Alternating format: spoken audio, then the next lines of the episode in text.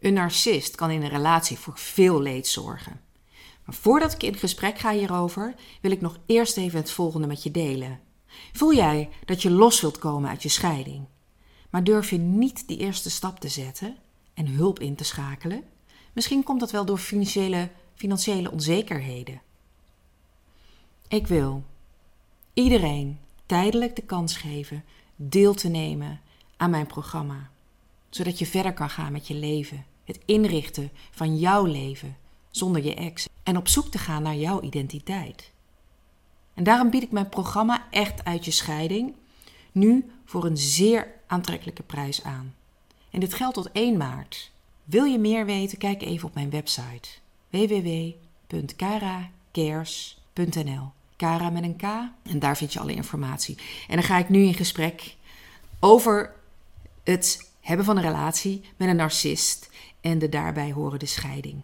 Daar zitten we dan. Nou, inderdaad. En uh, ja, jij bent bij mij, bij mij terechtgekomen. Klopt. Wil je daar iets over vertellen? Hoe dat uh, is gegaan? Ja, zeker. Nou ja, ik um, lig momenteel in scheiding.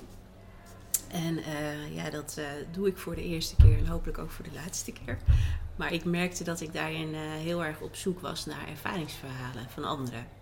En uh, ja, dat heb ik onder andere gevonden in uh, jouw podcast. Mm -hmm. Dat waren uh, ja, hele mooie verhalen waar ik heel veel uitgehaald heb. En uh, ja, zo waren er nog een paar andere kanalen. Maar ik, ja, ik kon me heel erg vinden in de verhalen die jij deelde. En op een dag besloot jij, ik ga haar benaderen. Ik ga haar mail sturen. Ja, zeker. En met welke gedachten heb jij contact met mij gezocht? Nou, um, dat was eigenlijk omdat ik uh, bijna alle podcastafleveringen had beluisterd. Dat waren hele uiteenlopende verhalen van verschillende vrouwen uiteraard. En um, ja, na afloop dacht ik, ja, ik heb daar zoveel aan gehad. En ik realiseerde me ook dat ik ja, een ander soort verhaal heb ook. Mm -hmm. En ik dacht, ja, als ik ook zoveel heb gehad aan de verhalen van andere vrouwen, dan kan ik op uh, mijn manier misschien ook anderen helpen ja. met mijn verhaal. Vrouwen die uh, ja, wellicht in dezelfde situatie zitten als, uh, of hebben gezeten als dat ik ja, heel lang heb gezeten. Ja, en ja. waar begon dit verhaal? Kan je eens helemaal teruggaan naar het begin van. Ja, ja dat is al echt al heel lang geleden. Ja, hoe lang is het geleden? Want, uh, nou, ik heb 24 jaar een uh, relatie gehad met mijn mm -hmm. ex-partner. Uh, we waren 17 toen we elkaar leerden kennen. Dus dat was echt ontzettend jong. Um, ja, en in principe, ik leerde hem kennen op de verjaardag van een vriendin. Waar ik eigenlijk niet naartoe wilde. Nou, uiteindelijk besloten om er toch heen te gaan. En ja, goed, vervolgens heb ik daar dus de persoon leren kennen waar ik de 24 jaar daarna mee ja, samen ben geweest. En ja, in eerste instantie, we stonden eigenlijk op het punt om, om te vertrekken. En toen werd ik aangesproken door een jongen. En die mm. is eigenlijk de anderhalf uur ja, op weg, zeg maar de terugweg naar huis toe, is hij tegen me aan blijven praten. Ja. En dat ja, was, gewoon, was gewoon meteen leuk eigenlijk. Hele leuke, spontane jongen. Kwam heel, ja, heel lief en zachtaardig over. En uh, ja, voor mij was het geen liefde op het eerste gezicht, maar we hadden wel meteen gewoon een hele leuke klik. En dat hebben we eigenlijk zo opgebouwd, ja, de periode daarna. Ja. ja. En toen gingen jullie verder, jullie kregen een relatie. Klopt. Hoe zag die, uh, die relatie eruit in het begin? Ja, kijk, um, in principe ja, hartstikke leuk. Uh, mm -hmm. We vonden elkaar op verschillende vlakken. Um, hij is bijvoorbeeld ontzettend ambitieus, had hele grote dromen en die heb ik ook altijd gehad. Dus wat dat betreft hadden we echt meteen raakvlakken. Uh, daarnaast was het ook niet het uh, type persoon die heel graag of die per se op de voorgrond hoefde te staan. Nou, dat herkende ik ook in mezelf. En ja, we hielden allebei van reizen, dus dat hebben we eigenlijk ook gewoon ja, gedaan samen. Mm -hmm. Heel veel leuke dingen gedaan. goede gesprekken gehad ook, echt toen der tijd.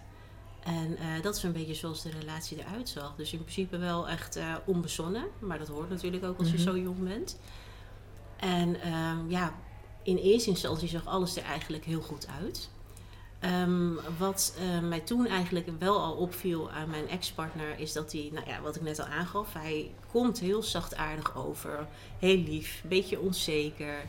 En ehm, ja, dat, uh, dat, dat voedde hij eigenlijk ook een beetje met, uh, met verhalen.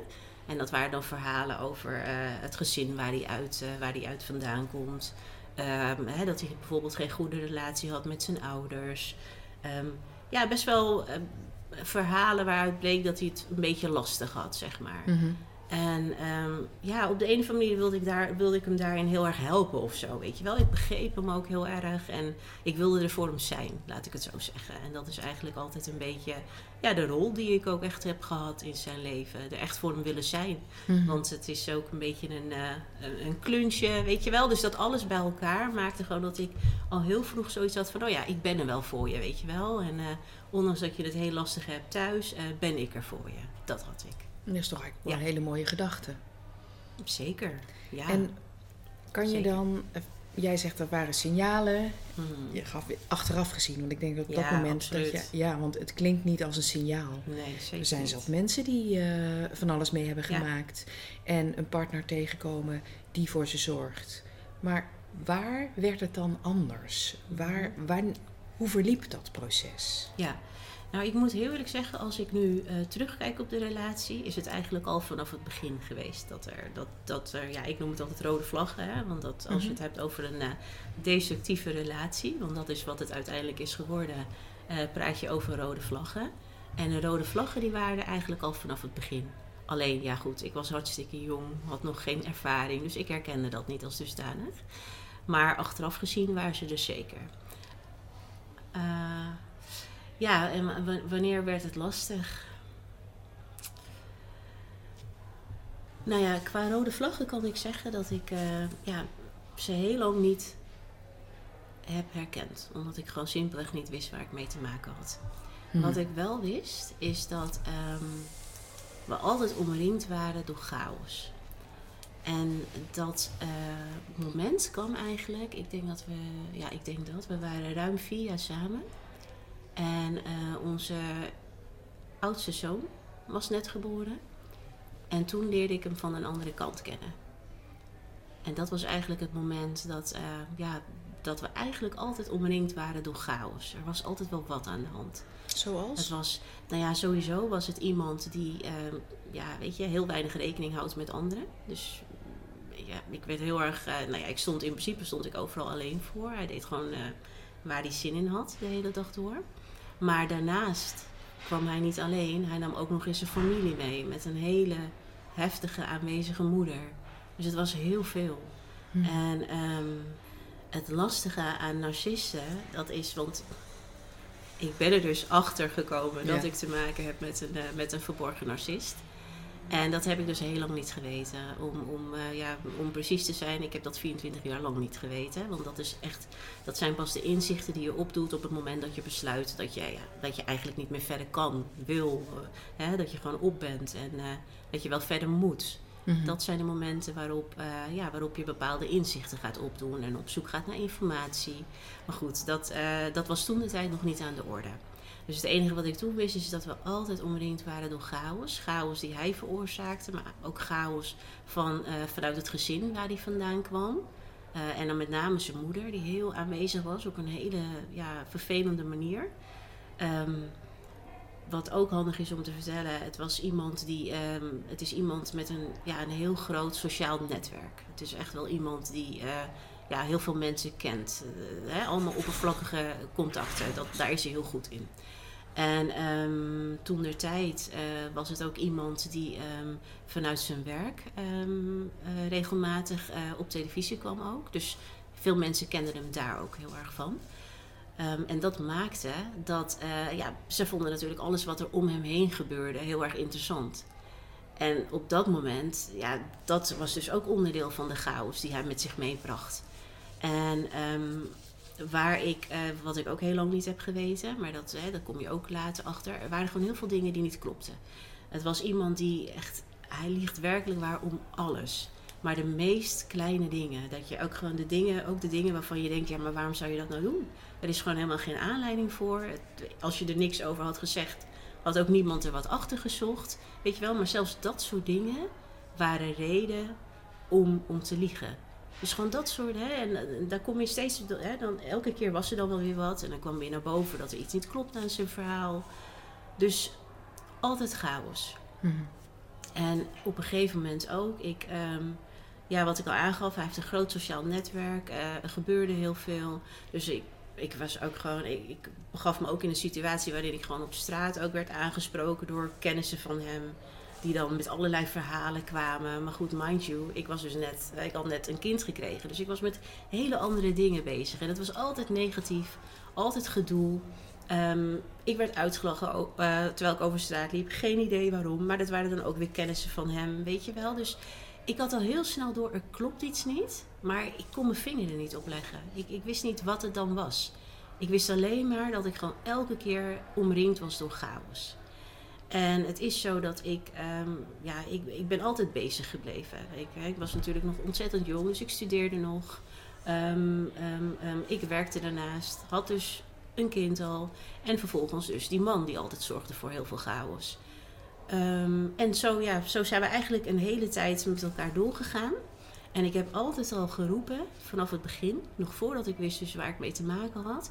Jij probeert altijd de meest abnormale situaties normaal te maken. Want dat is wat hij deed. Dat is wat hij constant deed.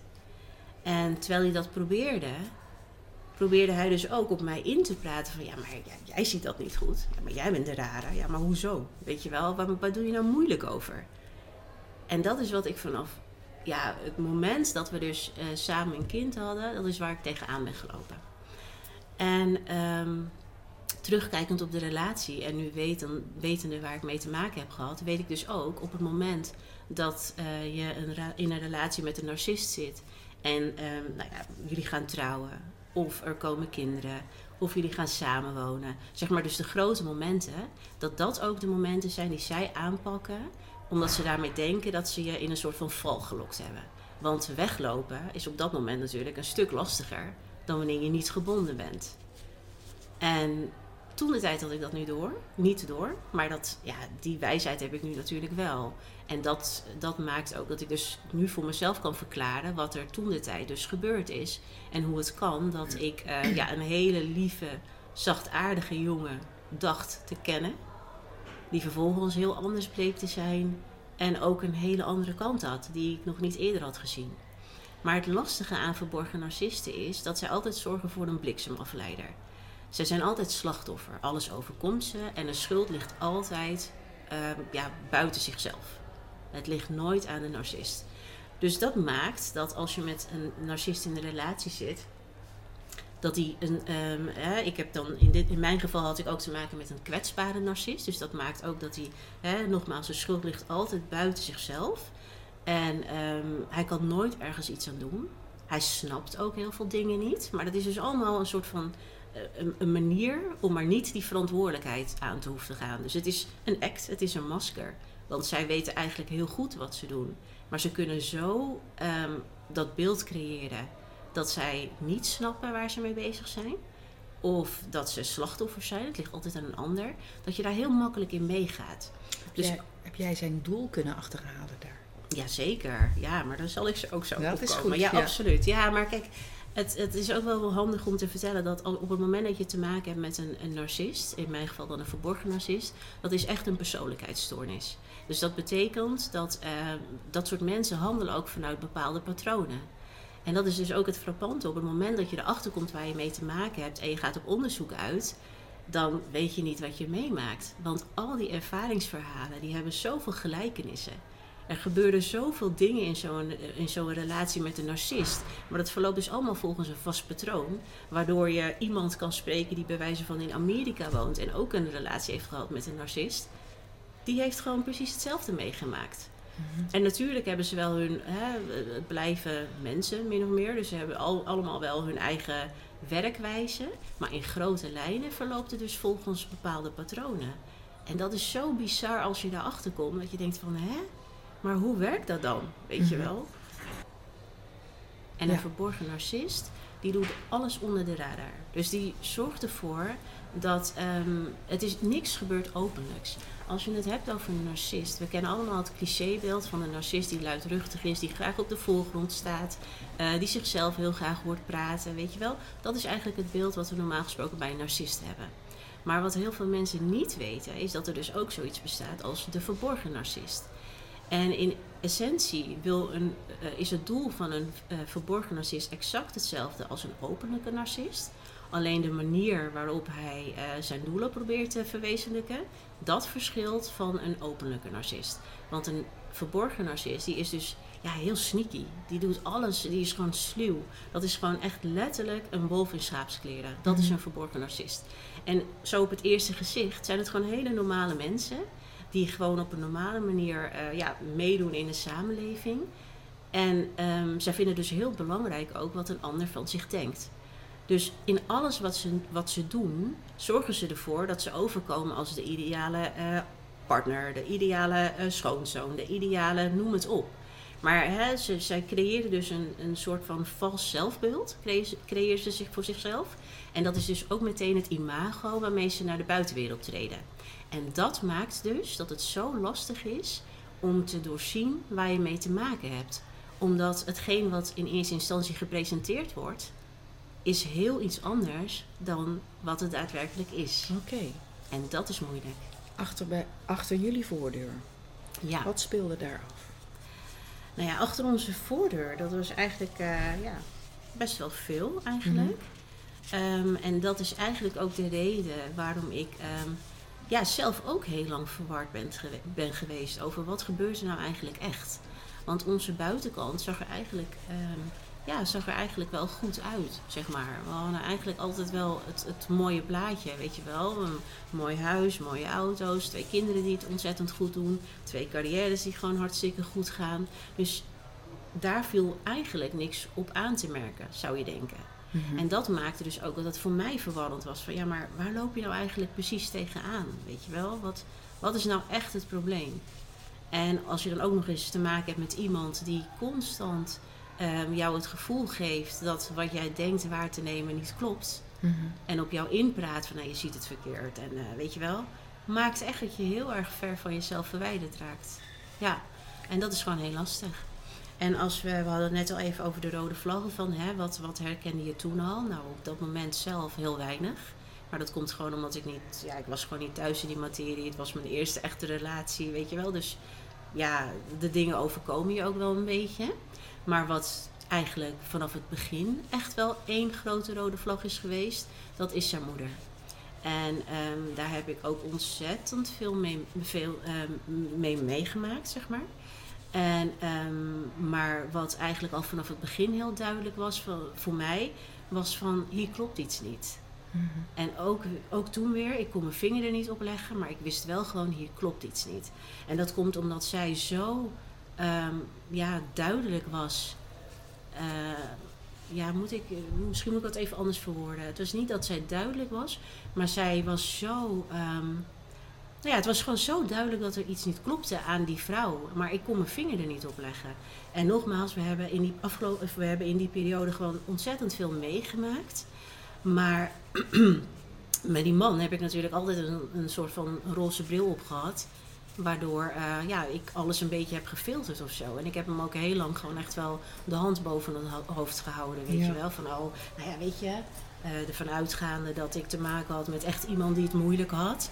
Van, um, weet je wel, um, ja, nou ja, hij heeft het gewoon moeilijk en het zal wel weer goed komen. Weet je wel, het altijd goed praten voor hem. Ja.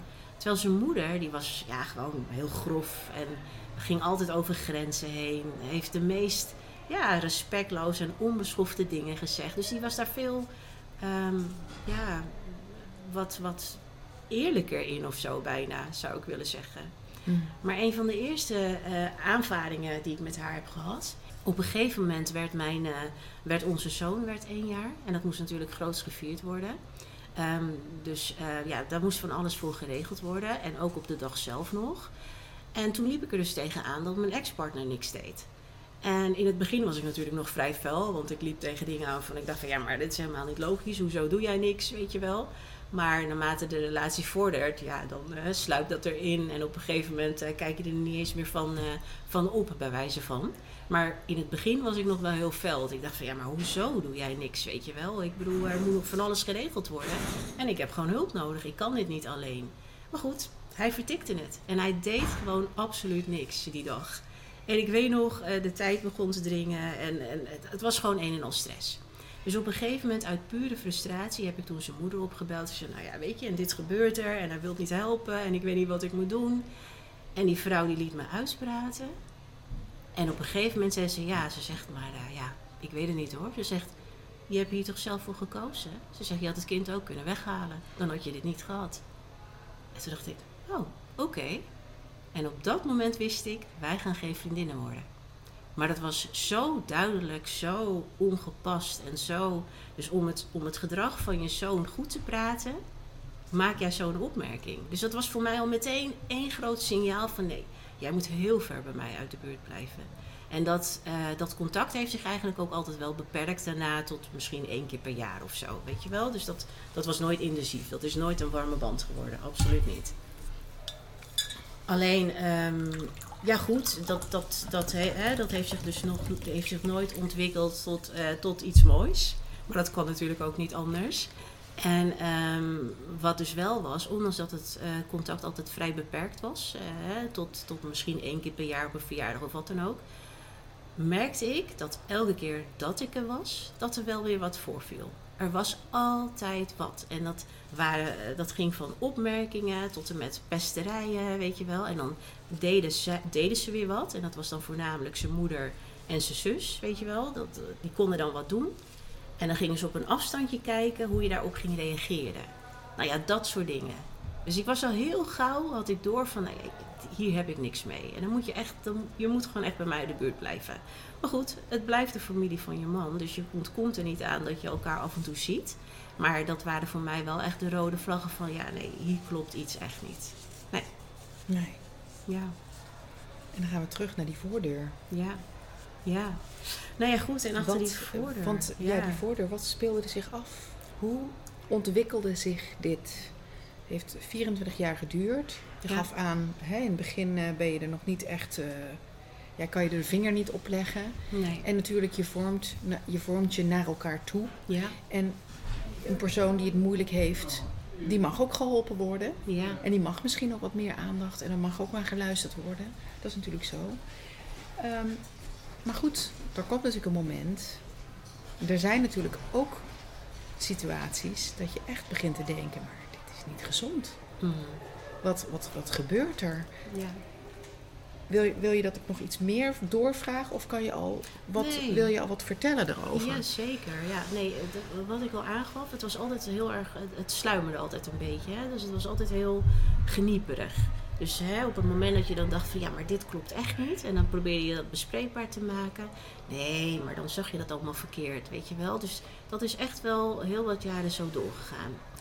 Op een gegeven moment, eh, nou ja, ik studeerde toen de tijd. eh, op, ja, we hadden, by the way, eh, op een gegeven moment hadden we, waren we, ik, weet, niet eens meer hoe lang we bij elkaar waren, maar op een gegeven moment hadden we dus een eh, tweede zoon, hebben toen gekregen. En nog steeds altijd chaos. En ik probeerde wat ik al aangaf, mijn, mijn raakvlakken met hem. Dat een van de dingen daarin was gewoon echt dat hij ook gewoon heel erg ambitieus was. En dat had ik ook. Dus ondanks alle chaos heb ik wel altijd geprobeerd om, eh, om eh, ja, ben ik altijd blijven doorgaan, zeg maar. Weet je wel? Dus heel veel ballen in de lucht houden. Eh, mijn studie, ik studeerde toen de tijd Nederlands recht. Ik werkte parttime op een advocatenkantoor met twee jonge kinderen. En vervolgens een man die heel veel chaos in ons leven bracht. Nou, hij zat vervolgens in het nachtleven, eh, drank, drugs, vrouwen, eigenlijk alles wat je, wat je erbij kan, kan bedenken. En op een gegeven moment ging dat zo, het had zo'n invloed op alles wat ik deed. En ik dacht, nee, maar ik wil dit niet. Ik heb gewoon een bepaald doel. Ik wil ergens naartoe. En op de een of andere manier, ik weet niet wat het is, maar hij past er gewoon niet in. En nu zie ik natuurlijk eh, ja, hartstikke helder wat dat was. Maar toen de tijd zat ik er gewoon middenin. En ik, het was gewoon, je zit gewoon vast. Je zit gewoon echt Mhm. verstrikt in een soort van web. En, en dat is eigenlijk wel wat ik heb ervaren. Maar goed, op een gegeven moment werd het allemaal zoveel. En toen heb ik ook echt tegen hem gezegd van, ik wil dit niet meer. Ik, eh, het moet anders. En als je daar niet in mee kan gaan, dan is het gewoon klaar. Nou ja, dan krijg je natuurlijk een moment dat, eh, dat ze hun best gaan doen. Dat hij zijn, eh, dat hij, eh, nou ja, dan zegt hij natuurlijk dat hij zijn best gaat doen. Maar uit zijn gedrag blijkt natuurlijk iets heel anders. Dus ook daar gaat weer tijd overheen voordat je daar eindelijk doorheen prikt. Maar op een gegeven moment was ik er echt klaar mee. Nou, toen kregen we afspraken van oké, dan kan je de kinderen ophalen. Weet je wel, dat je dat een beetje omgangsregeling, dat Ja. proberen we onderling een beetje te regelen. Alleen liep ik er toen weer tegenaan dat hij nooit kwam opdagen. Dus dan liet hij me gewoon weer met de kinderen zitten. Terwijl ik dan weer een afspraak had met mijn scriptiebegeleider. Weet je wel, dus hij liet me constant zitten. Dus ik kon daar ook niet op bouwen. Nou, daar was ik op een gegeven moment echt zo klaar mee. Dat ik toen ook tegen hem heb gezegd, nu is het klaar. Ik wil je niet meer zien. Ik wil niks meer met je te maken hebben. Weet je, zoek het uit. Want we komen hier niet uit. Je brengt alleen maar chaos. En dat was eigenlijk het enige wat ik toen de tijd nog kon benoemen. Die chaos. Maar waar het vandaan komt, waarom of wat dan ook, dat, dat wist ik niet. En nogmaals, omdat een verborgen narcist heel goed is in de zaken anders voordoen dan dat ze daadwerkelijk zijn. En zij zorgt altijd voor een bliksemafleider. Dus je zoekt bijvoorbeeld de oorzaak altijd bij, nou ja, in mijn geval zijn moeder, zijn zakenpartner, vrienden, weet je wel. Nee, hij kon er nooit wat aan doen. Weet je, het lag altijd buiten zichzelf. En eh, daar ben ik dus heel lang in meegegaan. Op een gegeven moment dacht ik, nee, weet je, het interesseert me niet. Ook al ligt het buiten jezelf, zoek het uit. Ik, ik kan dit gewoon niet meer. Mhm. Dus dat heb ik hem gewoon heel duidelijk laten weten. Nou goed, wat hij toen vervolgens heeft gedaan, is mij weer heel duidelijk laten weten dat dat niet zo heel makkelijk gaat. En ehm, hij heeft toen twee dingen gedaan. Twee dingen die voor mij echt wel heel groot waren destijds. En ik, ehm, het was toen de tijd zo groot dat ik niet anders kon dan het gewoon wegstoppen. Ik heb er toen niks mee gedaan. En pas dat ik eh, dus na die 24 jaar in een soort van ja, verwerkingsproces kwam. Van wat heb ik nou meegemaakt al die 24 jaar. Kwam dat ook weer naar boven. Dat ik dacht van wauw, dat is zo heftig. Maar goed, terug naar die periode dat ik dus aangaf van nou nu is het gewoon echt klaar. En ik wil niks meer met je te, te maken hebben. Heeft hij dus twee dingen gedaan. Het eerste daarvan is dat hij dus valse aangifte tegen mij gedaan heeft. Hij is ehm, naar, eh, naar eh, de politie gestapt met het verhaal dat ik hem zou hebben bedreigd met een mes. Dat ik hem zou en met, met een mes in, het, eh, in mijn ene hand, eh, traangas in mijn andere hand. En dat ik vervolgens ook nog eens zijn auto bekrast zou hebben. En dat hij eh, uit angst maar naar een van de buren toe gerend is. En, dat toen, eh, en de politie heeft gebeld, maar dat toen de politie eenmaal te, te plaatsen was, dat ik al gevlogen was met twee jonge kinderen. En nou ja, gewoon echt complete waanzin. Gewoon een verhaal dat gewoon helemaal gefabriceerd was. En dat was zo groot, ik begreep het gewoon niet. Maar hoe kun je dat nou doen? Gewoon ook niet wetende wat eventueel de gevolgen voor mij zijn, weet je wel. Mhm. Maar het feit dat je, dit, dat je gewoon zoiets kunt verzinnen, dat vond ik zo heftig. En ja, weet je, en, en toen de tijd, ik weet nog dat er inderdaad, eh, op een gegeven moment kwam er, in, eh, kwam er ook echt een agent bij mij thuis. Die kwam natuurlijk verhaal halen. Dus ik heb alles verteld van hoe het zat. En die man, ik, ik kan me dat nog zo goed herinneren, dat die man, ja, die heeft me laten uitpraten. En die was af en toe een beetje met zijn hoofd aan het schudden. En eh, hij sloot vervolgens ook af. Hij pakte me beet als een meisje. Hij zegt, pas goed op jezelf, hè. En eh, ja, kijk. Ik zie nu natuurlijk in dat het gewoon... Ja, het was natuurlijk gewoon heel duidelijk dat daar iets niet klopte. Alleen ehm, in die bubbel waar we in zaten... Of de bubbel waar ik in zat, van hem en zijn familie... Die mij ook altijd, hè, die ook altijd maar met een vinger naar mij hebben gewezen. Gewoon simpelweg omdat ze afgingen op wat op de verhalen die hij vertelde. Ehm, ja, zag ik dat gewoon echt niet. En nu terugkijkend denk ik, jeetje, wat heb je allemaal meegemaakt? En ik, ehm, ja, ik snapte gewoon heel lang niet ehm, hoe het kan dat iemand sowieso zo'n actie onderneemt. Gewoon niet weten wat de gevolgen daarvan konden zijn. eh, zowel voor mij als voor de kinderen. Ehm, alleen heb ik dus in het hele verwerkingsproces. Ik ben nu heel erg aan het eh, opruimen. Ik ga binnenkort ook verhuizen, weet je wel. Dus in het hele verwerkingsproces kwam ik op een gegeven moment een map tegen. Waarin, met allerlei oude documenten. Waarin dus ook dat proces verbaal zat van toen de tijd. En toen las ik dat verhaal en echt, het verhaal rammelde aan alle kanten. Dus nu denk ik, ja, vind je het gek dat daar nooit iets uit is gekomen? Maar toen de tijd, ja, dan weet je dat niet.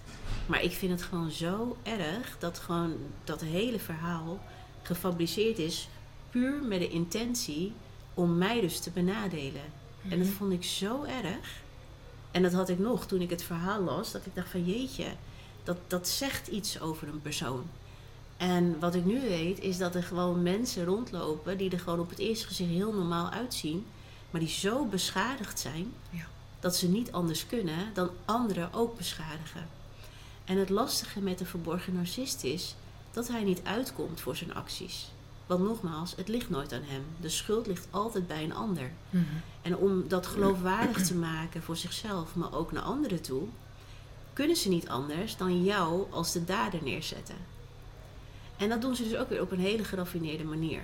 Want ehm, dat doen ze dus middels een, een lastercampagne die ze dan bijvoorbeeld eh, opstarten. En ik vertelde natuurlijk ook al in het begin dat, eh, dat toen ik hem leerde kennen, vertelde hij ook allerlei verhalen over dat hij een slechte band had met zijn ouders en weet ik veel wat allemaal. Maar ook dat is dus onderdeel van de werkwijze van een, van een narcist. Want een narcist, juist omdat hij altijd, hij, het is iemand met zoveel verschillende gezichten. Het zijn chameleons, want ze moeten zich aanpassen aan, aan iedereen waar ze mee omgaan. Ze, ze, bij iedereen hebben ze een ander gezicht op. Weet je wel, dus ze, ze zorgen ervoor dat ze verschillende eilandjes creëren. Want ehm, op het moment dat al die e- eilandjes bij elkaar komen en verhalen gaan delen, dan valt zijn masker natuurlijk. Dus wat je, altijd, wat je zag, is dat er altijd verschillende eilandjes waren. Eilandjes van het gezin waar hij vandaan kwam. Eilandjes, eh, een eilandje met mij en de kinderen. Een eilandje met zijn zakenpartners. Een eilandje met eh, kennissen en mensen die zichzelf beschouwen als zijn vriend, weet je wel. Dus dat waren allemaal zorgvuldig gecre- gecreëerde eilandjes die op geen enkel moment bij elkaar mochten komen, want dan zou dat hele kaartenhuis in één keer in elkaar storten. Dus als je dat weet, dan zie je ook dat hij dus eigenlijk al vanaf het begin heel bewust bezig is geweest met ja, alles een beetje, ja, hoe zeg je dat? Eh, ja, gewoon toch op een bepaalde manier inrichten of zo. En eh, waar ik dus eigenlijk naartoe wilde, is dat hij dus vanaf het begin al aangaf van ja, dat hij een hele slechte band had met zijn ouders. En in eerste instantie heb je helemaal geen reden om te twijfelen aan wat iemand zegt. Dus al die verhalen, ja, die nam ik aan.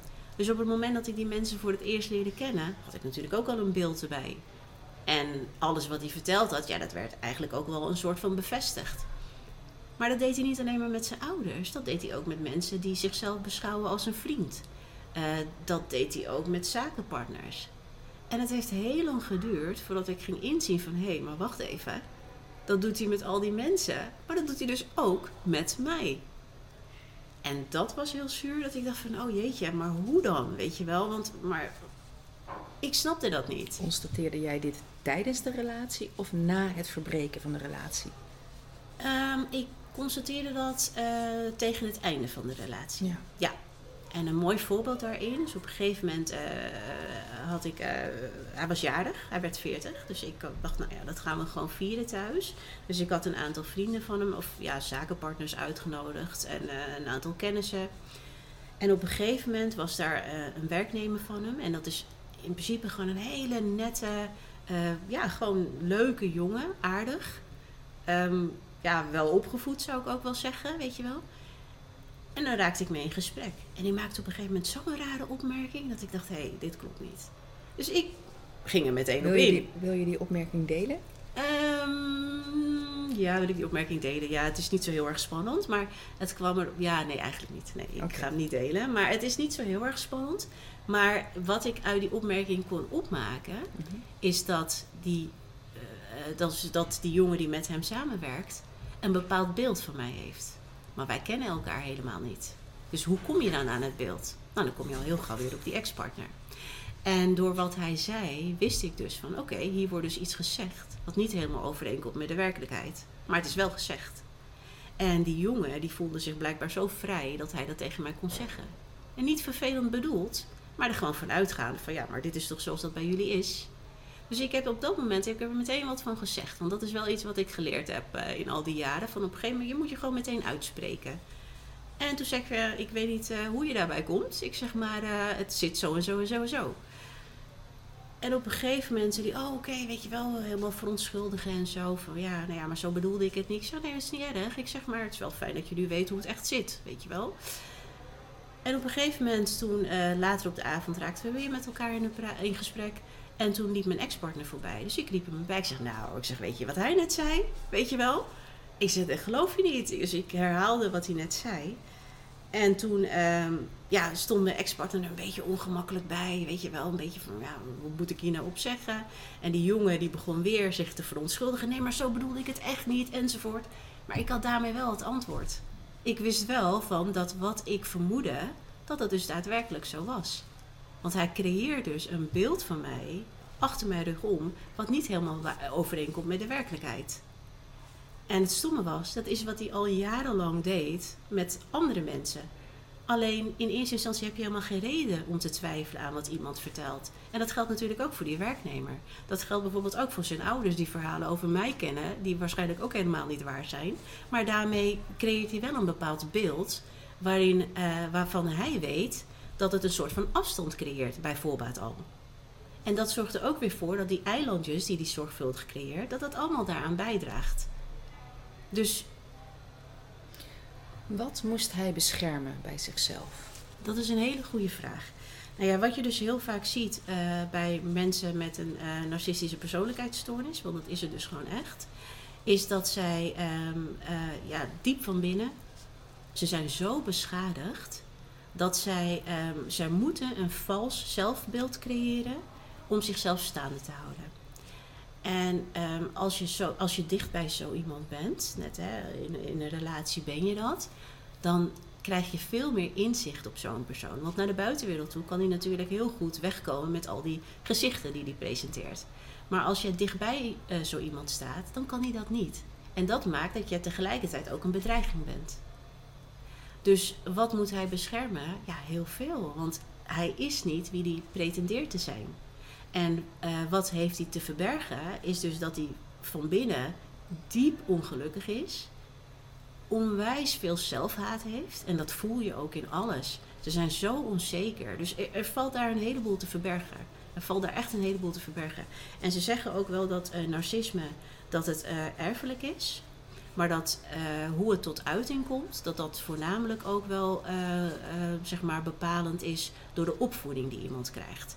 Hè, word je opgevoed met regels, grenzen, dan zal het beperkt blijven of helemaal niet tot uiting komen. Maar heb je een opvoeding waarin je geen regels kent, ja, dan heeft het natuurlijk alle ruimte om tot uiting te komen. En dan kom ik, kom ik ook weer meteen terug op eh, wat mijn ex-partner in het begin heeft verteld. Dat hij zo'n slechte band met zijn ouders had. Nou, ik ging daar, ik leerde die mensen kennen en had natuurlijk meteen al een beeld bij ze. Maar waar ik achter kwam, is dat die jongen werd op handen gedragen. Het was het gouden kind, het is het gouden kind binnen dat gezin. En als je niet beter zou weten, zou je niet denken dat er ook nog eh, broers en zussen erbij hoorden, weet je wel. Het draait om die man. Dus ook dat kwam niet overeen. Maar waarom, ja, waarom doe je dat dan, weet je wel? Mhm. Nogmaals, die eilandjes creëren. Want hij heeft er dus eh, baat bij om mensen zoveel mogelijk uit elkaar te houden. En op een gegeven moment ehm, had ik dus aangegeven dat ik eh, definitief geen contact meer met hem wilde. Ehm, toen heeft hij dus eh, twee dingen gedaan, want daar zou ik nog even wat Ja. over vertellen. En ik had het even over die eilandjes. Ja. Maar goed, dat, dat van die eilandjes, hij heeft op een gegeven moment een heel zwaar auto-ongeluk gekregen. En dat was zo heftig en zo groot. Ja, mijn ex-partner Ja. inderdaad. En dat was zo heftig, het was zo groot. Ik bedoel, die man ehm, eh, ja, balanceerde echt op het randje van de dood. Hè. Hij heeft ook eh, meerdere, een lange, voor een langere tijd heeft hij in coma gelegen. Toen hij er uiteindelijk weer uitkwam, moest hij weer opnieuw leren lopen, praten, eten. Weet je wel, dus echt wel een heel heftig ongeluk. Maar ten tijde van het ongeluk kwam natuurlijk iedereen bij elkaar. Nou ja, toen viel natuurlijk dat kaartenhuis ook eh, in één keer in elkaar. Alleen op dat moment was er nog iets veel groters aan de hand. Dus het werd wel besproken, maar het kreeg eigenlijk niet de aandacht die het verdiende. Omdat op dat moment, ja, weet je, ja, het was gewoon echt wel heel heftig wat er gebeurde. Dus ehm, om aan te geven dat kaartenhuis of dat, hè, die eilandjes die die creëren, dat is niet voor niks. Want iedereen had een andere versie van een verhaal. Niemand wist precies hoe, hoe, hoe het zat. Eh, terwijl ze wel dachten het te weten, weet je wel. Dus het was gewoon weer complete chaos. Het was echt chaos. Maar goed, dat eventjes over de eilandjes die hij creëert. Maar ik wil nog heel even terug naar wat ik vertelde. Over dat ik op een gegeven moment besloot van... Nou ja, ik wil dit gewoon niet meer voor mezelf. Ik heb definitief eh, de relatie verbroken. En dat hij dus twee dingen heeft gedaan die me echt wel diep geraakt hebben. Nou, het eerste was dus dat hij die valse aangifte gedaan heeft. Waar ik echt wel goed ziek van ben geweest. En het tweede was dus dat hij me voor de rechter heeft gedaagd. En toen gaf hij aan dat hij de kinderen niet mocht zien. Maar, mind you, hij kwam nooit opdagen. Het was gewoon iemand die hele andere prioriteiten had. Maar goed, dat heeft hij wel gedaan. En hij wist gewoon, mijn kinderen zijn mijn alles. Dus daarmee heeft hij me echt wel behoorlijk geraakt ook. Ehm, hij kreeg toen de tijd de kinderen een week lang toegewezen. En het eerste wat hij deed, dat, dat, eh, in die week dat hij de kinderen had, was die kinderen bij zijn moeder dumpen. Zijn moeder die net zo narcistisch is als dat hij is. Dus ook dat, weet je wel, hij weet precies wat hij doet. Maar op het moment dat ik dus aangeef van hé, hey, ik wil niet meer met je verder, zijn dit de acties die daarop komen. Dus dat is ook weer een duidelijk signaal van hé, hey, weet je wel, eh, denk maar niet dat je zomaar hiervan afkomt of zo. Dus waar je denkt dat je zeg maar kan weglopen, blijkt dus dat het allemaal niet zo makkelijk is. Dus dat maakt ook echt wel dat je heel lang in zo'n web eh, verstrikt blijft zitten Mhm. eigenlijk. Maar goed, toen eh, ging het een, eh, ja, een tijdje, ging dat, hè, was er dus best wel behoorlijk wat afstand. Maar als je kijkt naar de patronen die een narcist volgt, ja, een narcist, zodra die denkt dat er nog maar enigszins ruimte is om weer bij je terug te komen, zal hij daar zeker gebruik van maken. Dus dat heeft hij ook gedaan. En op een gegeven moment, ja, kijk, als moeder zijnde wil je natuurlijk niet, niets liever dan je gezin bij elkaar hebben. Dus op een gegeven moment kwam hij weer terug met de meest mooie beloftes. En hij ging het allemaal anders doen. En hij wilde zijn gezin bij elkaar. En ja, nou ja, goed, daar ben ik weer voor gevallen, eh, kort gezegd. En eh, niet veel later, een, ja, een paar maanden later, eh, kreeg je dus dat zware ongeluk. Mhm. Dus echt tijd om alles te bespreken van wat is er nou gebeurd en weet ik veel wat allemaal. Dat was er dus eigenlijk gewoon ook niet echt. Want er kwam weer iets anders voor in de plaats wat zo groot was dat het gewoon iedereen's aandacht eh opeiste. Nou ja, en daarna, dan breekt er een periode aan van herstel natuurlijk. Alles staat in het teken van zijn herstel. Ehm, ja, en dat, ja, dat ging gewoon. eh, hij heeft het behoorlijk moeilijk gehad.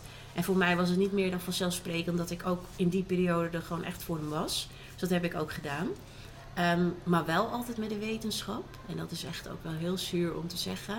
Van als het andersom was gebeurd, had ik niet op hem hoeven te rekenen. En dat heb ik altijd geweten. En ook dat als het andersom was gebeurd, dat ehm, hij waarschijnlijk ook nog een schepje erbovenop had gedaan. Dat hij eh, mijn kinderen bijvoorbeeld bij me weg had gehaald. Want dat is dus ook iets wat een narcist doet. Op het moment dat jij laat zien, of dat hij merkt dat jij verdriet hebt, pijn of wat dan ook, dat is, dat, dat, dat is een soort van voeding voor zo iemand. Dat is waar zij groter van worden. Dat is wat zij nodig hebben om het gevoel te krijgen dat ze ertoe doen. Dus dat is wat zij nodig hebben om zichzelf staande te houden. Dus vanuit die wetenschap, en dan wist ik dus nog niet eens waar ik mee te maken had. Maar ik wist wel wat ik voelde en wat ik, wat ik, wat ik waarnam, weet je wel. Mhm. En dat was dus gewoon wetende dat mocht het andersom zijn gebeurd, dan was hij er heel anders mee omgegaan. En dan kan je wel doen alsof dat er niet is, maar die wetenschap doet natuurlijk wel wat met je. Mhm. Maar goed, het, ik, ik kon ook dat weer aan de kant schuiven, heel lang. Ehm, dus we, ja, hè, het, alles stond een beetje in het teken van zijn herstel. Ehm, en dat ging, ja, ging eigenlijk wel goed, eigenlijk. Ging de, ging de goede kant op. Hij leerde weer lopen, praten en eigenlijk alles wat hij niet kon. Wat ik wel eh, ja, terugkijkend ook weer zie, is hoezeer ik mezelf daarin tekort heb gedaan. Want als jij dat weet, van als het andersom was gebeurd dat die persoon er niet voor jou zou zijn geweest, nou, dat, ja, dat doet natuurlijk wel wat. En dat zegt ook wel wat. Dat je dan willens en wetens toch besluit om er wel voor die persoon te zijn. Dat is één.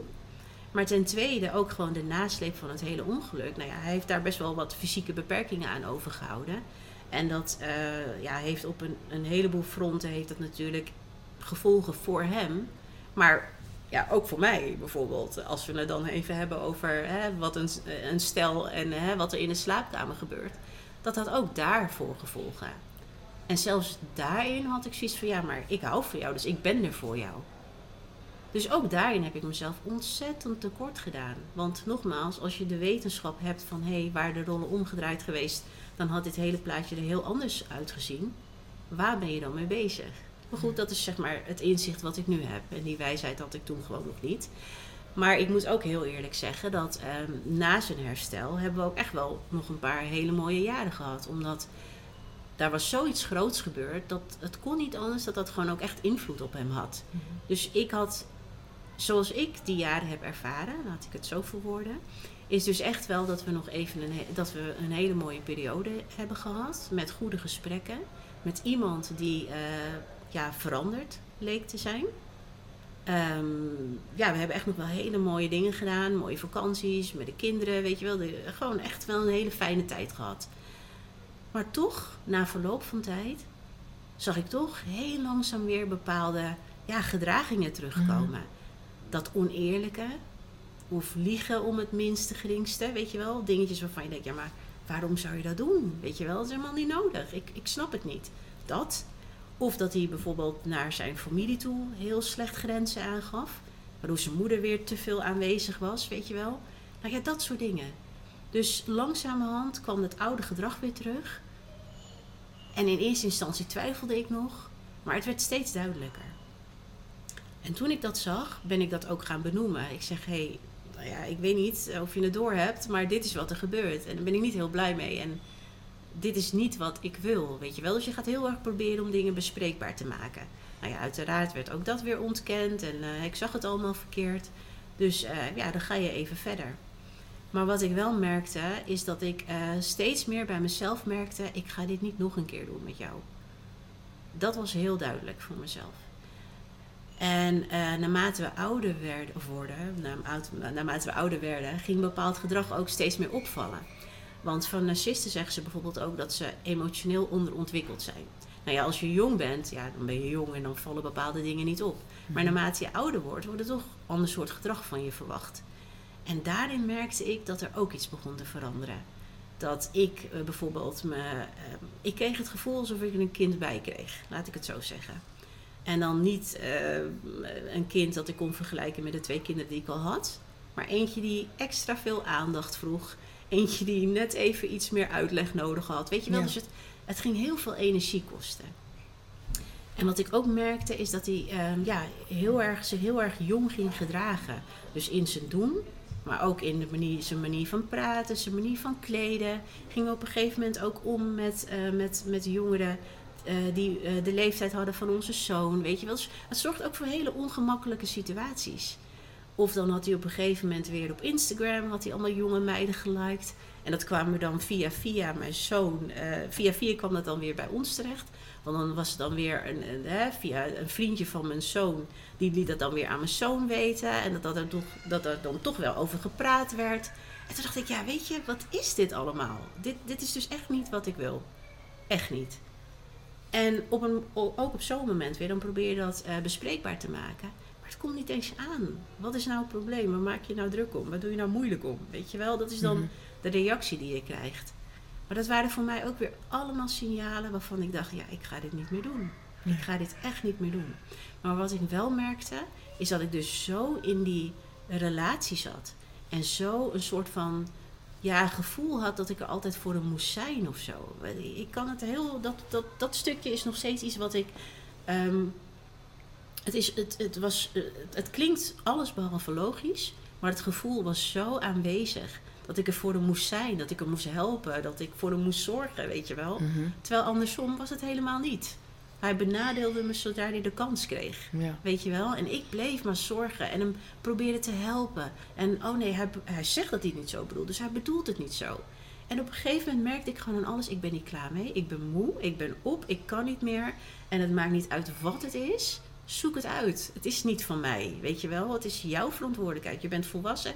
Zoek het uit. Ga ermee aan de slag. En doe je dat niet, ja, dan doe je dat niet. Maar ik weet wel dat ik gewoon niet nog 24 jaar op deze manier doorga. Ja. Maar wat het lastig maakte, is dat dat gevoel zo echt is, zo aanwezig, dat je niet zomaar kan zeggen van hé, hey, nu is het klaar en ik, ik sla de deur dicht en, en ik ga verder met mijn leven. Daar komt echt wel heel wat bij kijken. Mhm.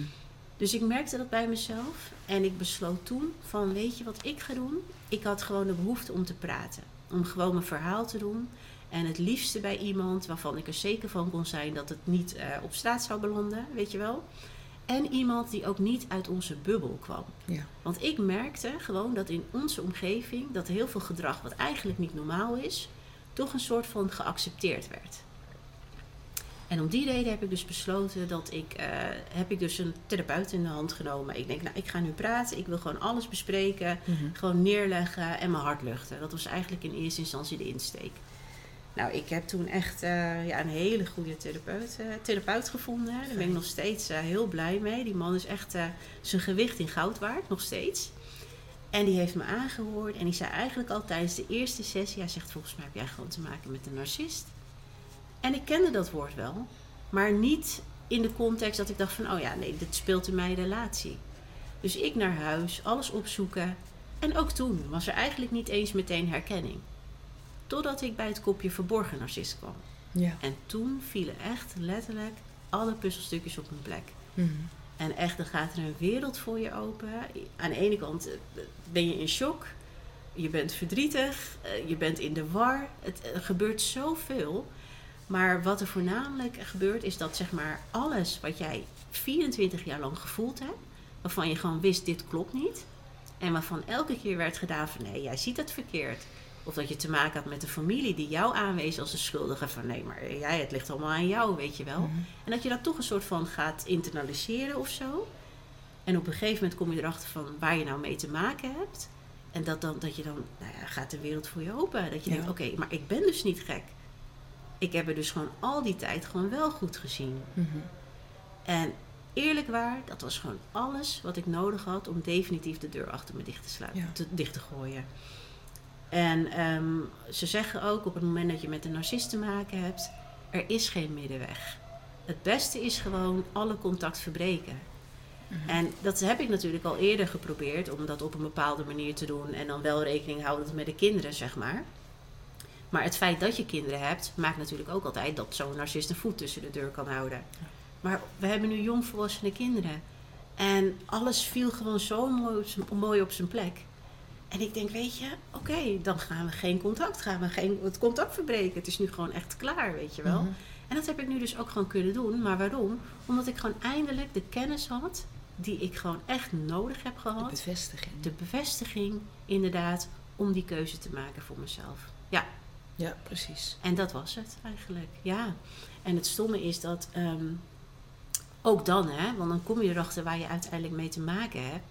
Maar dan ben je er nog niet, want ook dat is weer een proces. Want het, is, het zit zo complex in elkaar dat wanneer je denkt van oké, nou snap ik het, dan komt er weer iets nieuws. Weet je wel, wat je dan weer over het hoofd ziet. Bijvoorbeeld een narcist in het echtscheidingsproces. Dat is ook een hele Ja. andere tak van sport, weet je wel. Maar Mhm. daar kom ik ook later pas achter.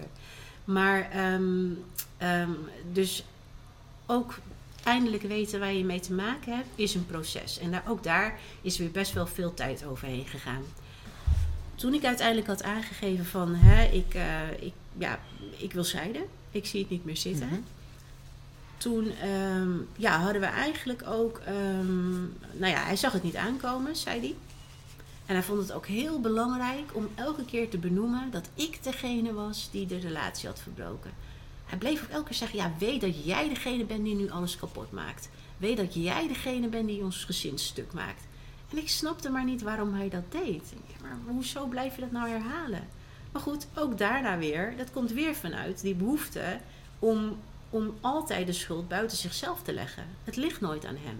Dus hij moest dat wel zeggen. En ook in het verhaal wat hij nu, hè, de verhalen die hij nu creëert naar de buitenwereld toe, ja, hij kan nu in ieder geval een schuldige aanwijzen. Mhm. Want zij is degene die, eh, die, eh, die eh, het huwelijksstuk heeft gemaakt. En zo ga je maar door. Maar goed, in eerste instantie hadden we afgesproken, we gaan gewoon eerst duidelijke afspraken maken samen. En het een beetje, hè, toch een beetje voor onszelf is verwerken. Voordat, voordat we naar buiten treden ermee. En ik had ook al vanaf het begin gezegd, want op het moment dat jouw moeder hiermee, hiervan op de hoogte eh, eh, is, dan eh, ja, land- belanden we in een strijd en daar heb ik geen trek in. Ik zeg, ik Mhm. wil het gewoon netjes afronden en dan is het klaar. Nou, je raadt natuurlijk al dat dat gewoon, hè, het is natuurlijk, hè, op een gegeven moment kreeg zijn moeder de lucht van en is het alsnog geëscaleerd. Maar goed, dat, daar zal ik straks nog wel even wat meer over vertellen. Maar we hadden in ieder geval afgesproken dat we gewoon de tijd zouden nemen om het te verwerken voor onszelf. eh, voordat we het aan de buitenwereld zouden vertellen. Hè? Dus dat je wel gewoon even het met als gezin kan verwerken voordat je alle andere reacties over je heen krijgt. nou ja, in principe eh, vrij snel daarna kwam hij al met het bericht dat hij een eh, nieuwe vriendin had. Mhm. Dus dat zag ik ook niet helemaal aankomen. Eh, met de wetenschap die ik nu heb, denk ik, ja, logisch. Want zo iemand kan helemaal niet alleen zijn. Die heeft constant die voeding nodig, die aandacht, die bevestiging van anderen, weet je wel. En, en zo'n meisje komt natuurlijk niet uit de lucht vallen. Dus die was er natuurlijk ook al een tijd, weet je wel. Mhm. Dus, maar toen de tijd zag ik het niet aankomen. Dus dat hij dat vertelde, had ik wel zoiets van, ja, maar wat moet ik hier nou weer mee? Want als het aan hem had gelegen, had hij nog steeds gewoon elke avond gewoon gezellig met ons aan tafel gezeten. Naar de buitenwereld, nog steeds het beeld van leuk gezin samen. Terwijl hij vervolgens ook gewoon een nieuwe vriendin had.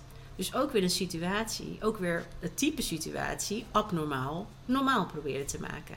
En er is maar één iemand die elke keer profiteert in, die, in dat soort situaties. En dat ben niet ik. Dat ben ik niet, zeg maar. Weet je wel? Dat was hij elke keer.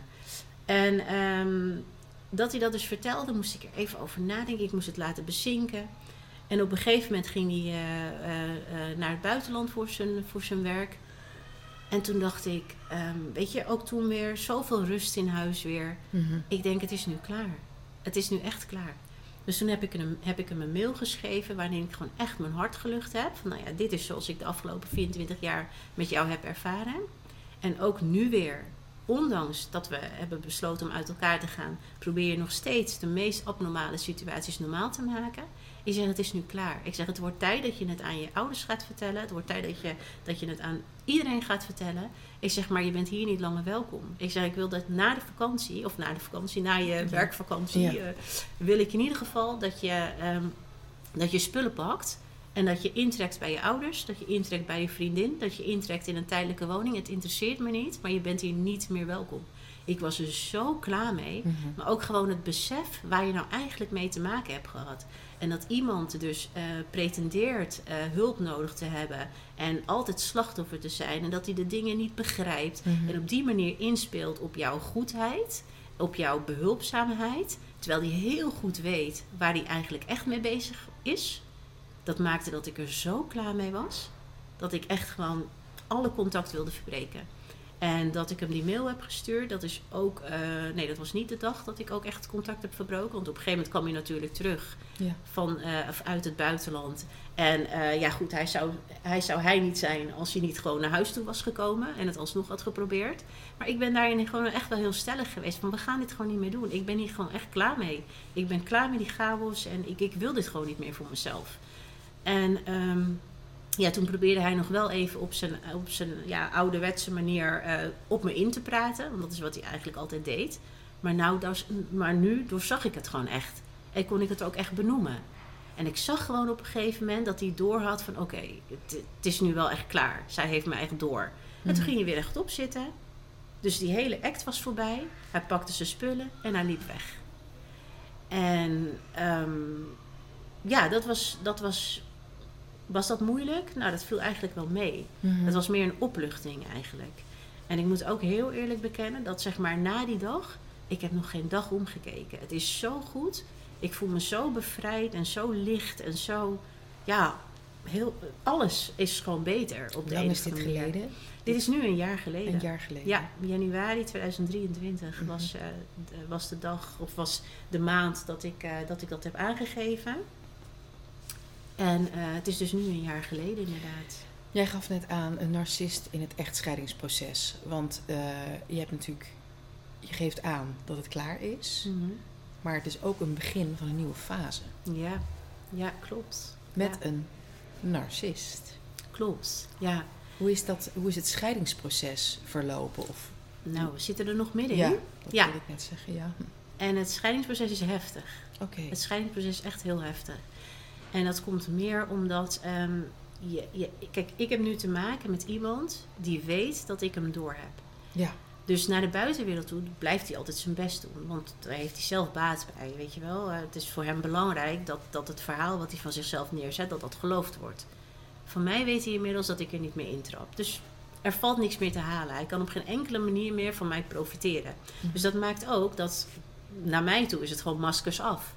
En dat houdt dus in dat ik gewoon echt te maken heb met. Ja, het is alsof ik in een oorlog ben beland, weet je wel. En bij een normaal functionerend iemand zou je zeggen, nou die heeft gewoon zijn emoties uitgezet. Maar bij een narcist, een narcist kent helemaal geen emoties.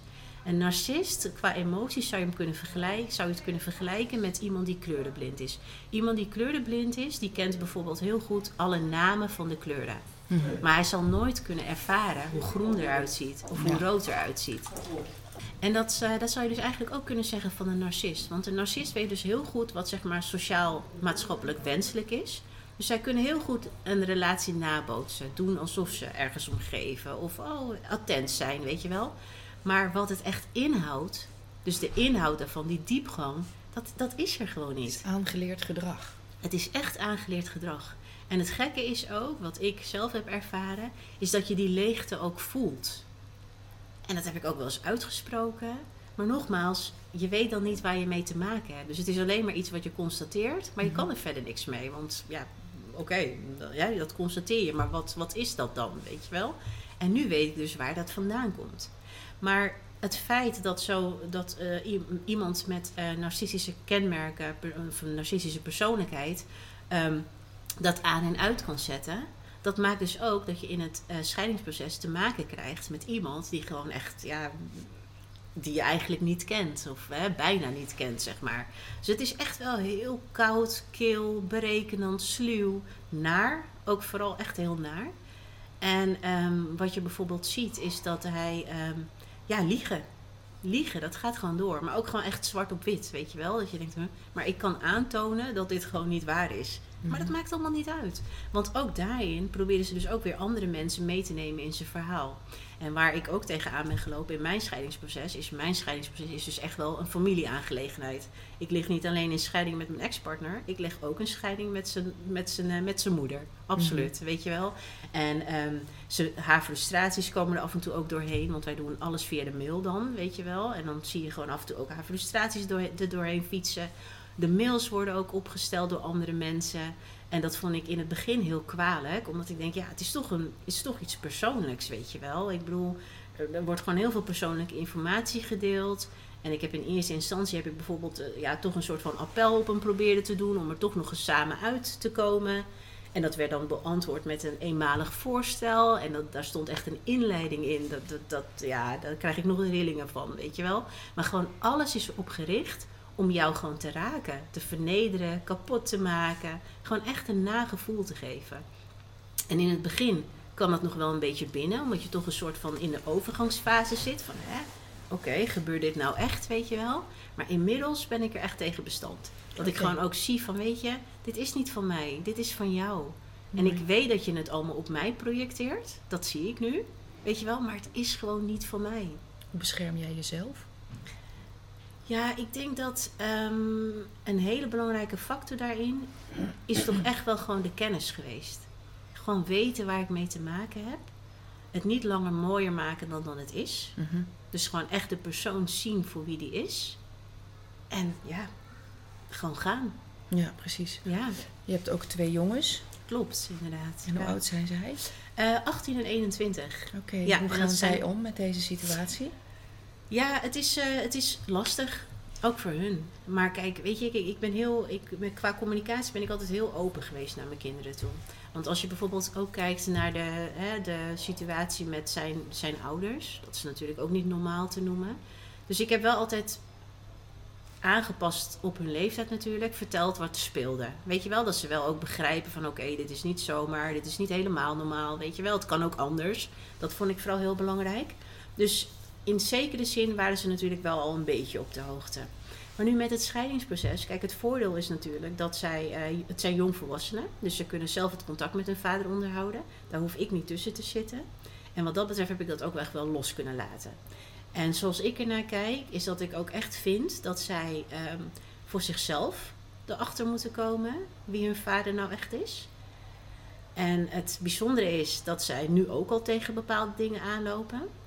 En in het verleden dat we nog getrouwd, of we zijn nu nog steeds getrouwd, maar in het verleden dat we echt nog uh, gezamenlijk of samen in één huis woonden, waren er bijvoorbeeld ook heel veel momenten waarop ik um, ja, hoe moet ik dat goed verwoorden? Maar er waren bijvoorbeeld heel veel momenten waarop ik hem toch ook weer het hand boven het hoofd hield. Weet je wel, ook naar de kinderen toe.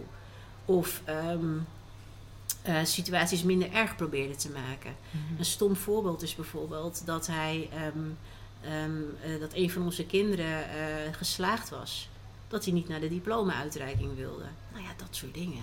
Ja, dan, dat, ja, hoezo ga je daar niet naartoe, weet je wel? Dus Ja. ja, dat, dat, ja, dat is niet eens een optie in mijn beleving.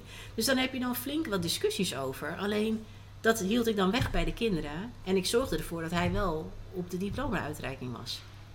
Dus op, zo, op zo'n manier, op zo'n eh, manier probeerde ik dan toch het ehm, voor de kinderen zo te doen dat ze er zo min mogelijk last van hadden. Zou je dat nu weer doen?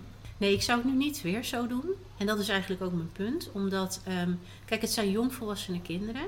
En wat ik voorheen gedaan heb, is dat ik dus constant eigenlijk een beetje, eh, ja, ja, met de hand boven, nou ja, het voor hem heb opgelost, zeg maar, heel veel dingen.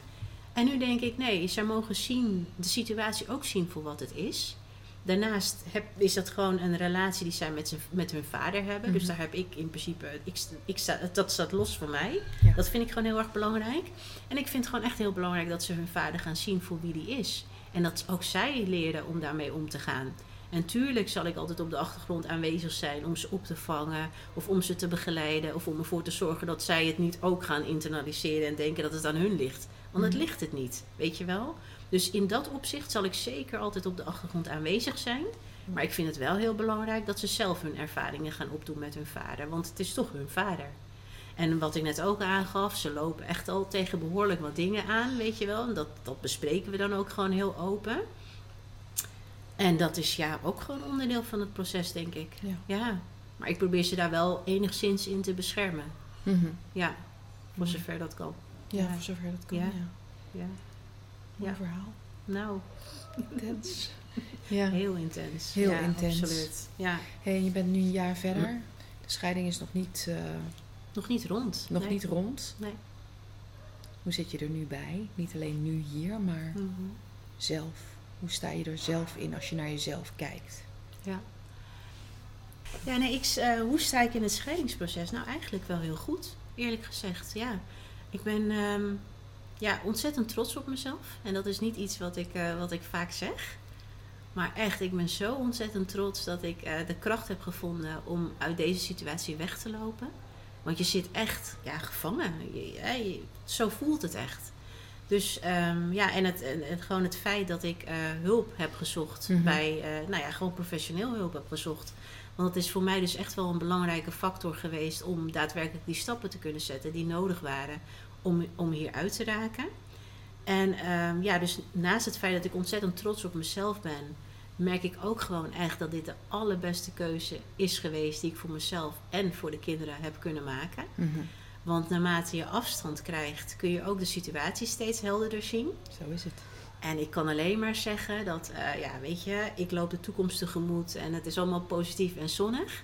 En alles wat ik de afgelopen 24 jaar heb meegemaakt, dat is niet van mij. Dus dat neem Mooi. ik ook niet mee in de toekomst. Absoluut. En dat is het enige wat ik erover kan zeggen. Ja. Dus ik, eh, zie het, eh, ik zie de toekomst echt wel vol vertrouwen tegemoet.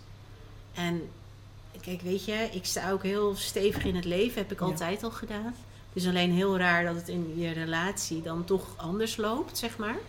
Maar ook daar, weet je wel, ik heb daar gewoon hele... Ik heb heel veel lesgeld betaald, laat ik het zo zeggen. Maar die lessen neem ik zeker mee. Absoluut. Ja. ja.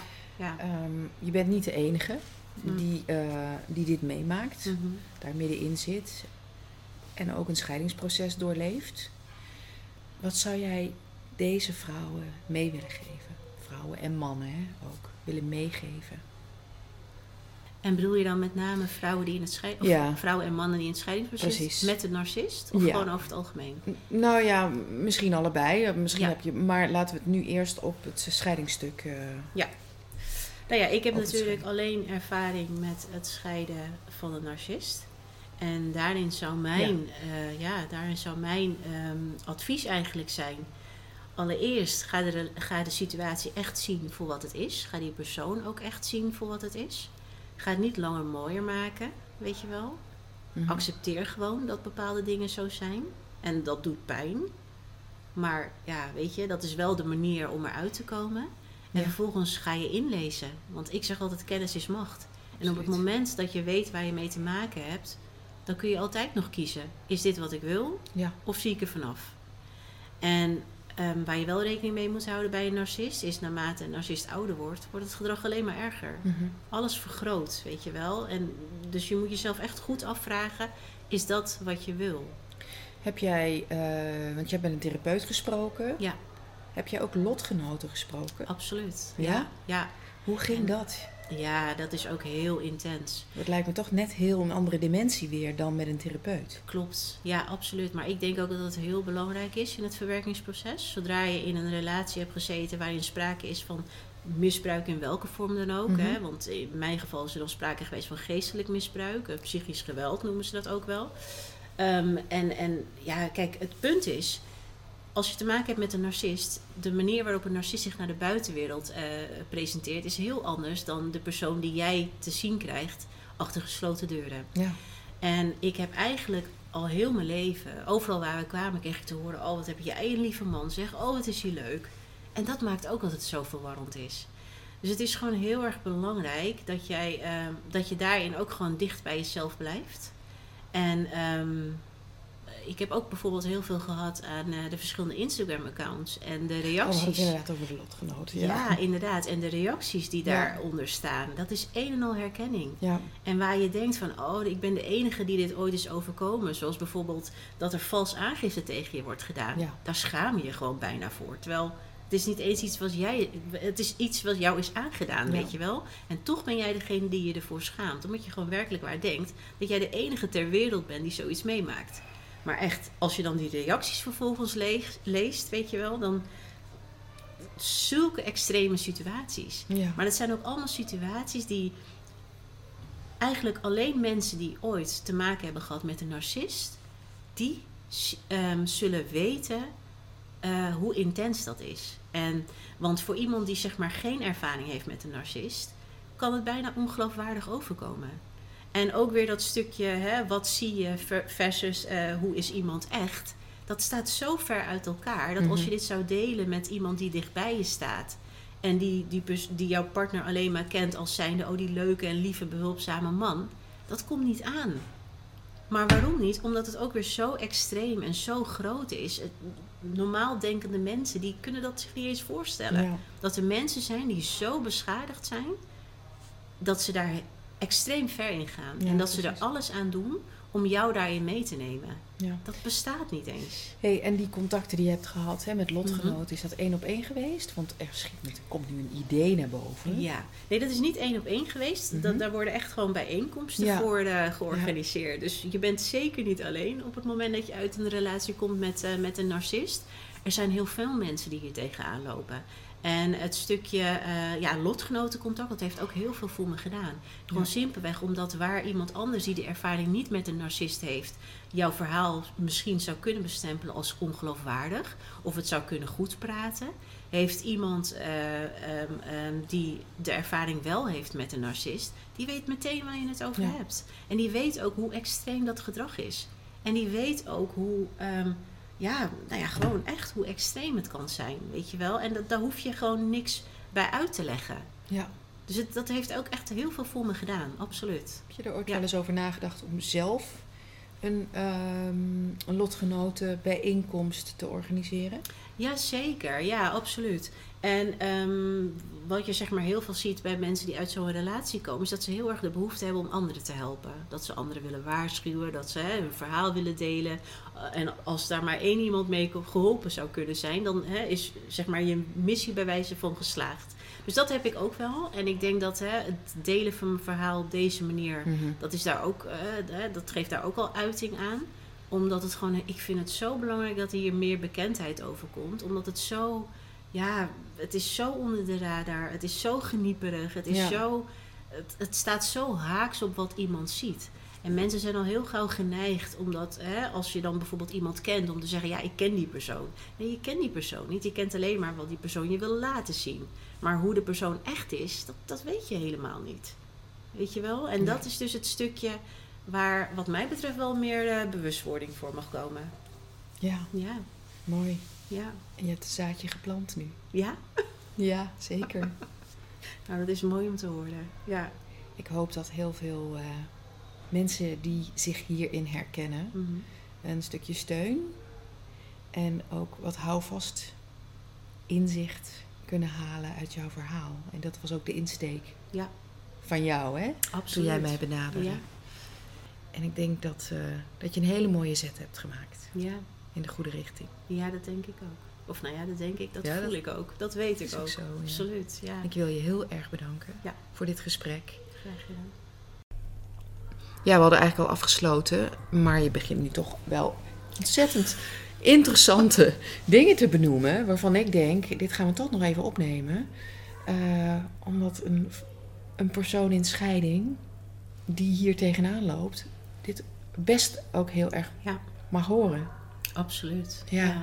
Jij vertelde, ehm, het scheidingsproces ging van start. In ieder geval ging van start. Jullie wi- wilden uit elkaar, of in ieder geval, daar leek het op. En, eh, en te vertel, begin je net te, begon je net te vertellen ehm, dat hij aangaf dat jullie er wel samen uit zouden komen. Dat jullie geen advocaat of geen mediator nodig hadden. Dat mag je nu Klopt. zelf verder vertellen. Hoor. Ja, Maar daar ja. waren wij gebleven in het gesprek. En dit vond ik eigenlijk wel echt zeer interessant voor, Ja. om te delen. Ja, dat is het zeker. Absoluut. Want ehm, kijk, op het moment dat, dat je uit zo'n relatie komt, zo'n relatie wordt natuurlijk gekenmerkt door een bepaald dynamiek. Ehm, in mijn geval was het dus zo dat ik altijd eh, heel erg meeging in wat hij wilde. Me heel erg meebewoog met hem. Weet je wel? Ehm, ehm, hij stelde eisen en ik ging steeds harder rennen. Weet je wel? En op het moment dat je besluit te gaan scheiden, is dat niet zomaar weg. Dus die dynamiek neem je toch nog een beetje mee. En in eerste instantie eh, had hij het erover van... ja, nee, weet je, wij komen er onderling wel uit. Wij blijven beste vrienden. We hebben geen advocaat nodig, weet je wel. We gaan dit samen doen. Maar ja, mind you, het is een ondernemer die altijd tien stappen verder is. Dus hij, wist natuurlijk heel goed waar hij mee bezig was. Maar ik had vanuit mijn, eh, ja, uit, vanuit de rol die ik eigenlijk altijd al een beetje heb eh, bekleed, had ik zoiets van ja, maar ik wil er ook gewoon op een goede manier uitkomen. Vandaar ook dat ik ook eh, al eerder de opmerking had gemaakt van hè, ik wil dit alles geregeld hebben voordat je moeder ervan op de hoogte is, want dan wordt het oorlog. En daar heb ik gewoon helemaal geen zin in. Dus ik wilde gewoon heel erg er gewoon eh, op een goede manier uitkomen, zonder ruzies. Nou goed, ehm, dat wilde hij, maar ik merkte al heel gauw, hij wilde dat, maar wel op zijn manier. Dus elke keer als ik aangaf, ja, maar ik vind eigenlijk dat we dit ook nog eh, erbij moeten. Nee, nee, dat kon allemaal niet. Dus op een gegeven moment toen heb ik hem, een, eh, heb ik hem weer een mail gestuurd. Want dat was eigenlijk al ehm, nadat we geen contact meer... meer of ja, dat, dat ik zeg maar het telefonisch contact ook met hem heb verbroken. Want op de, de dag dat hij eh, het huis uit moest... heb ik ook gewoon hem geblokkeerd op mijn telefoon. Omdat eh, als je te maken hebt met een narcist... is het gewoon het beste om alle contact te verbreken. Omdat ze altijd proberen om op je in te praten. En het eh, in ieder geval in hun voordeel te laten zijn. Dus ik wist dat en heb ervoor, eh, heb ervoor gekozen om alleen nog maar per e-mail contact met hem te hebben. Dus ik heb op een gegeven moment, eh, wetende hoe die erin stond, heb ik hem een, ja, een soort van appel op hem gedaan. Hè. Onze 24 jaar heb ik erin meegenomen. En aangegeven van, hè, ik vind gewoon, eh, we zijn op huwelijkse voorwaarden getrouwd. En ook weer op zijn verzoek, alles in zijn voordeel. En ik heb ook aangegeven, ja, maar weet je, ik, ik ben het hier niet mee eens. Ik vind het niet fair. Want eh, jij hebt zeven dagen in de week altijd gedaan wat je wilde doen, onder het mom van werk. En ik heb altijd eh, honderdduizend ballen omhoog moeten houden, weet je wel. Ik zeg dus, ik ben het niet eens met de verdeling. Dat was mijn mail. Maar nogmaals, heel netjes aangekleed. Echt een soort van appel op hem gedaan, weet je wel. Ervan uitgaande dat de mail tussen ons, eh, tussen ons beiden zou blijven. Nou, daar heb ik me flink in vergist. Want ik kreeg op een gegeven moment een reactie. Dat was een eenmalig voorstel. eh, gedaan door een. eh, dat was overduidelijk. Dat de mail was opgesteld. onder andere ook door een, een advocaat. Er stond allemaal juridische taal in. Maar vervolgens werd het ingeleid met pure frustraties van zijn moeder. Dus er waren heel wat mensen die aan die mail hadden gesleuteld. En daar, ja, dat, dat raakte me zo. Dat kwam zo binnen, omdat het zo een mail was met de intentie om gewoon een ander ja, te raken. Weet je wel, echt tot in de kern te raken. Gewoon te benadelen. Gewoon niet, ja, gewoon kil, berekenend. En wat ik al aangaf, hè, op het moment dat een narcist, dat, dat jij een narcist doorhebt, valt er niks meer te halen bij jou. Dus dat hele Mhm. masker, wat, wat hij al die jaren heeft opge- opgehouden, dat heeft hij nu niet meer nodig. En dat killen, dat merkte ik terug in de mails. En de eerste keer kwam dat zo binnen. En daarna, en dat heb ik nodig gehad. Dat heb ik echt nodig gehad om uit die bubbel te stappen, weet je wel. Om wakker te worden en om te zien van, hé, hey, je hebt nu echt te maken met een ander persoon. Mhm. Dus ik ben alsnog, ondanks dat ik dat eh, heb ingezien, werd er op een gegeven moment heel veel eh, heen en weer gemaild. Nog steeds zogenaamd alsof we dat samen deden. Maar hij had vervolgens wel een advocaat die hem met hem meekeek op de achtergrond. Toen zijn we een mediation traject ingegaan. Nou, die advocaat die, hij- die hij had ingeschakeld, keek nog steeds mee op de achtergrond. En wat ik merkte is dat alles benaderd werd vanuit het eenmalige voorstel wat hij gedaan had. En ehm, elke keer wanneer ik wat inbracht, nee, dat kon niet. Nee, dat wil, daar ging het niet in mee. Dat ging, dat ging niet gebeuren. En eh, we hebben toen twee keer een eh, live meeting gehad bij de mediator. En de eerste keer dat we daar kwamen, toen eh, werd duidelijk hoe hij altijd tien stappen verder is. En hoe hij dus ook financieel en gewoon in de hele afwikkeling van de scheiding het zo goed voor zichzelf geregeld heeft, dat ik als het ware met lege handen wegloop. En op dat moment bij die mediator kwam dat zo binnen dat ik gewoon echt in huilen uitbarstte.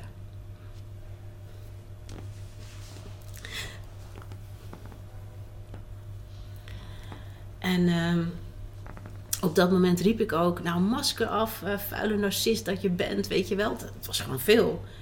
En dan zat, we hadden een mediator, dat was een vrouw, en die zat erbij. En die zei toen op een gegeven moment, eh, zei ze tegen me van, nou, ze zegt, eh, ik, eh, ik eh, tolereer geen gescheld in mijn kamer. Ik wil gewoon dat je het even rustig houdt en dat we gewoon op een normale manier met, dat we dit met z'n allen gaan doen. En in principe, redelijk voorstel zou je zo, zou je zo denken.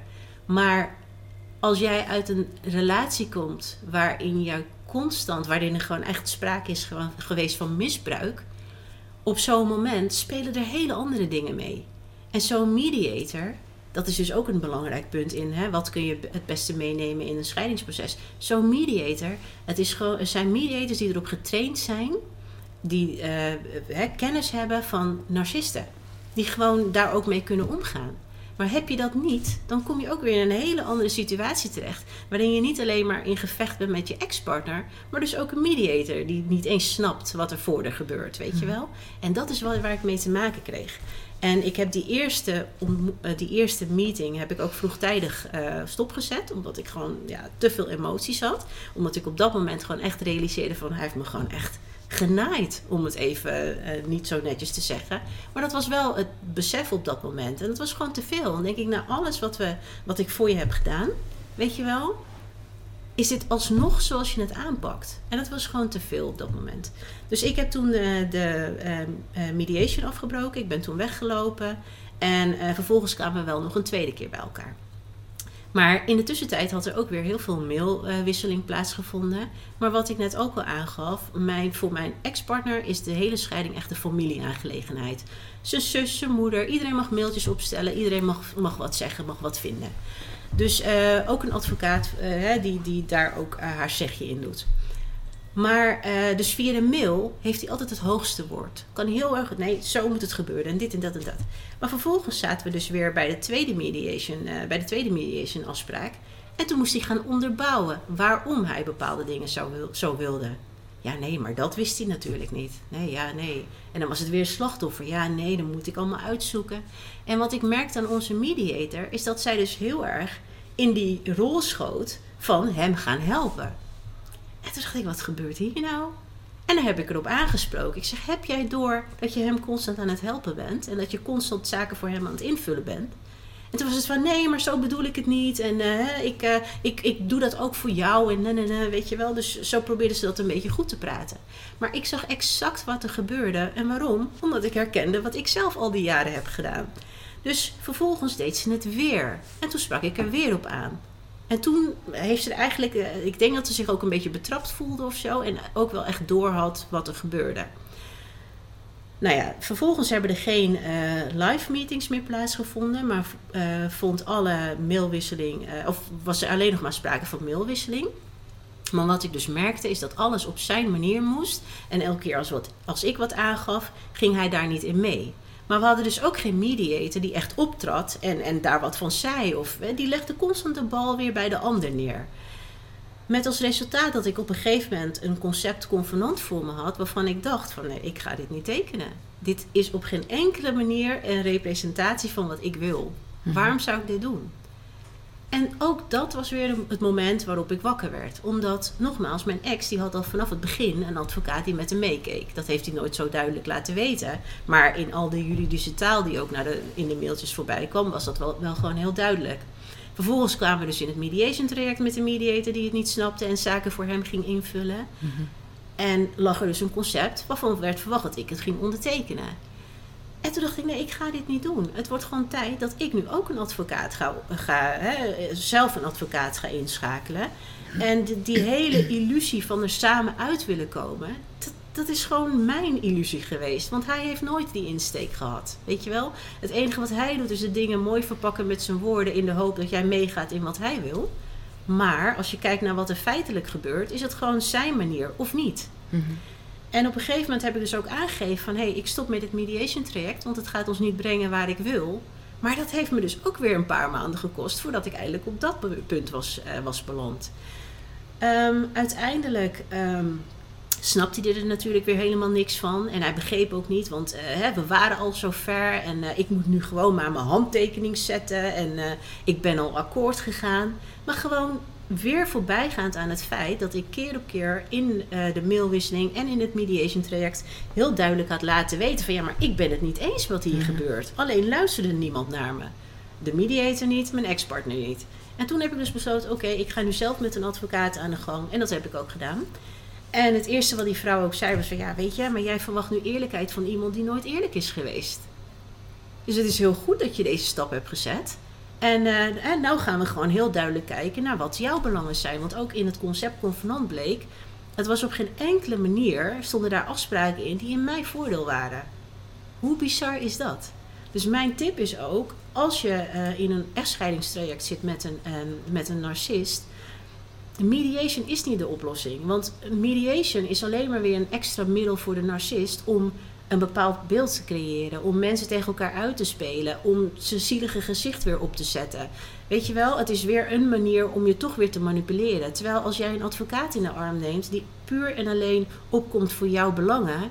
Dan heb je alweer een heel ander gesprek. Dan is er gewoon geen ruimte voor ruis ook. Mm-hmm. En dan weet je nog niet hoe het afloopt. Want ik bedoel, we zitten er nu middenin. En ik, heb nu wel echt, ik ben nu wel echt op een punt beland dat ik denk van nee, ik kom nu gewoon echt op voor mijn eigen, voor mijn eigen hachje, weet je wel. Ik, ik, ja, de goede vrede, dat bestaat gewoon niet met een narcist. Echt niet. Nee. En eerlijk is eerlijk. Ik bedoel, hè, als dit allemaal straks achter de rug is, ja, ik moet ook gewoon verder met mijn leven. En ik ben altijd uh, werkzaam geweest en dat is ook wel mijn redding geweest, want ik heb altijd een andere wereld ernaast gehad. Waardoor ik toch ook een soort van uh, ja, gezond in het leven ben blijven staan, weet je wel. En uh, dus ik, ik, ik ben niet bang voor de toekomst. Maar ik ga ook niet zomaar dingen weggeven. Ik wil wel gewoon dat het op een eerlijke manier dat die scheiding wordt afgerond. Mm-hmm. En dat is het proces waar we nu in zitten. Ja. En het, ja, het is gewoon nog even afwachten hoe dat afloopt. Want ik, ja, zal hij tot inzicht komen dat er gewoon afspraken moeten komen waar we beide achter staan?